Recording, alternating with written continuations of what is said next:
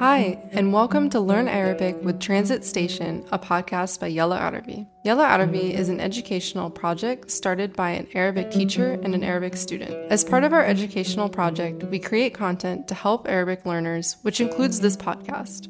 We translate and transcribe every episode for your benefit, which can be found on our website, yellaarabi.com. If you're interested in taking Arabic classes with us, ahla wa sahla.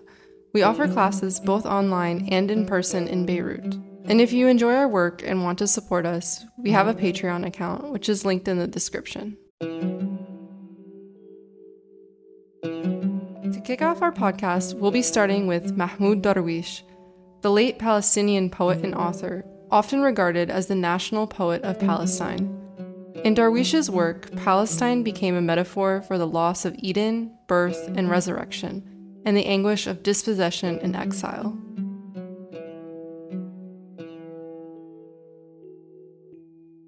قصة حياة الشاعر المرحوم محمود درويش شاعر الجرح الفلسطيني ولد بفلسطين بجبل الجليل بقرية روى القريبة من ساحل عكا ب 23 آذار 1941 برجه الحوت.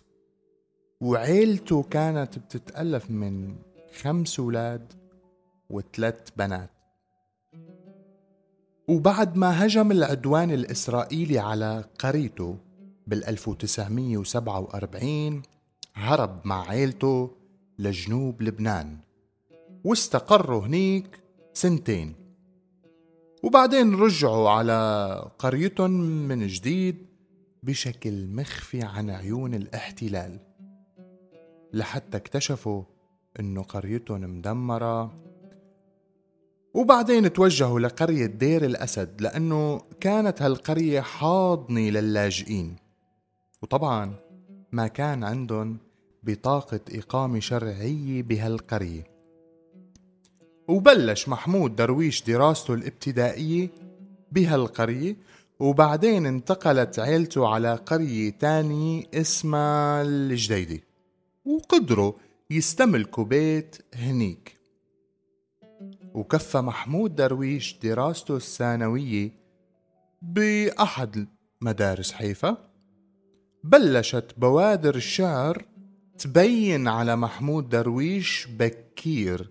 يعني بالمرحلة الابتدائية وكتب عن الحياة يلي كان يعيشها والتنقلات من قرية لقرية وعن الوضع بشكل عام بهديك المرحلة. ساهم بتطوير الشعر الحديث وضاف على الشعر الرمزية وتأثر كتير بالشاعر السوري نزار قباني. حصل على كتير من الجوائز من خلال شعره. منها جائزة البحر المتوسط 1980 ودرع الثورة الفلسطينية ولوحة أوروبا للشعر بسنة 1981 جائزة الأدب الفرنسية 1997 انتسب للحزب الشيوعي الإسرائيلي واشتغل من خلال هالحزب بالصحافي بصحيفة الاتحاد ومجلة الجديد تابعين لنفس الحزب كمحرر ومترجم. تعرض درويش للاعتقالات المتالية بسبب نشاطاته المعادية للاحتلال بالإضافة لتصريحاته ورأيه السياسي. كان أول اعتقال له عام 1961 والاعتقالات التالية 1965 66 67 69 فرض الاحتلال الإقامة الجبرية على درويش بال 1970 أشهر قصايد كتبها بهديك الفترة عاشق من فلسطين وآخر الليل. حاول درويش السفر خارج فلسطين وبس محاولاته فشلت بفرنسا بال 1968 رفضت فرنسا دخوله لأراضيها. بس القدر ضحك له وقدر يسافر على روسيا وكان طالب بمعهد العلوم الاجتماعية لمدة سنة. وسافر لمصر للقاهرة لمدة سنة واشتغل بنادي كتاب الأهرام. وبعدين توجه على لبنان وتعتبر لبنان وحدة من أهم المحطات بحياته على الصعيد السياسي والأدبي. وضل بلبنان من ال 1973 حتى ال 1983 ومن أهم أعماله وداعا أيها الحرب وداعا أيها السلام. واشتغل بلبنان بمنظمة التحرير الفلسطينية وأسس مجلة الكرمل. بالتالي أصدر منها 89 عدد حتى بعد سفره من لبنان وتصدر العدد 90 بعد وفاته تخصص هالعدد ليحمل سيرة حياته. اندلعت الحرب الأهلية بلبنان بال 1800 آه آسف بال 1983 وفاتت القوات الإسرائيلية وتعتبر من أصعب الفترات بحياة درويش. كان يلجأ لينام بمطعم أحد الأشخاص يلي بيعرفهم. خوفا من القبض عليه. قدر يهرب للأشرفية ببيروت وبعدين لسوريا ومن سوريا لتونس. وقدر أخيرا يفوت على فرنسا. تعتبر فرنسا أكثر بلد إلى تأثير على مسيرته الشعرية بسبب الهدوء وجمال الطبيعة للتأمل والتفكير بعيدا عن ضجة الحرب والخوف. عاش بفرنسا عشر سنين. أصدر مجموعة من الأعمال منها 11 كوكب وذاكرة النسيان عابرون في كلام عابر وكثير من القصائد.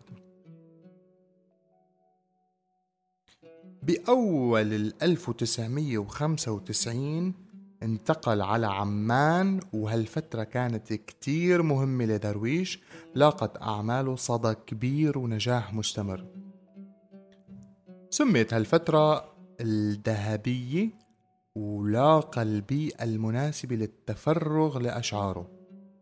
وأصدر مجموعة أعمال منها لماذا تركت الحصان وحيدا؟ سرير الغريبة الجدارية في حضرة الغياب أثر الفراشة. أما عن حياة درويش العاطفية وقع بحب بنت إسرائيلية اسمها ريتا. بس تركوا بعض بال 1967 بس عرف إنه بدها تلتحق بالجيش الإسرائيلي. كتب قصيدة من أشهر قصايده. ريتا والبندقية. وحكى بالقصة بمقابلة مع الصحيفة الفرنسية لور إدلر بس تكتم عن اسم البنت وتفاصيل العلاقة. وقال إنه اسم ريتا اسم مستعار لحتى نعرض الفيلم الوثائقي سجل أنا عربي. لحتى تبين إنه اسمها تمار بن عامي. وبعد اللقاء معها ببلد إقامتها ببرلين حكت عن لقائها الأول بدرويش كان عمرها 16 سنة وكانت بحفلات الحزب الشيوعي الإسرائيلي يلي كان درويش أحد أعضائه. كانت تشتغل راقصة قبل تجنيدها بالجيش تزوج مرتين الأولى من رنا قباني 1977 وهالزواج ضل بس أربع سنين وانتهى بالطلاق. الزواج الثاني كان من سيدة مصرية كانت تشتغل بالترجمة بمنتصف الثمانينات وانتهت العلاقة بالانفصال بعد كم سنة. وما إجا أولاد من الزوجتين. العاشق سيء الحظ مثل ما بيقول بأحد قصائده بعد أزمة قلبية حادة نقلوه على مشفى بالولايات المتحدة ليعملوا له عملية قلب مفتوح توفى الشاعر تحت العملية بتسعة آب بال2008 نقلوا جسمانه على رام الله بال13 آب واندفن بقصر رام الله وصار اسم القصر بعدين قصر محمود درويش. ترك وراء أكثر من 30 ديوان شعر وأكثر من 8 كتب.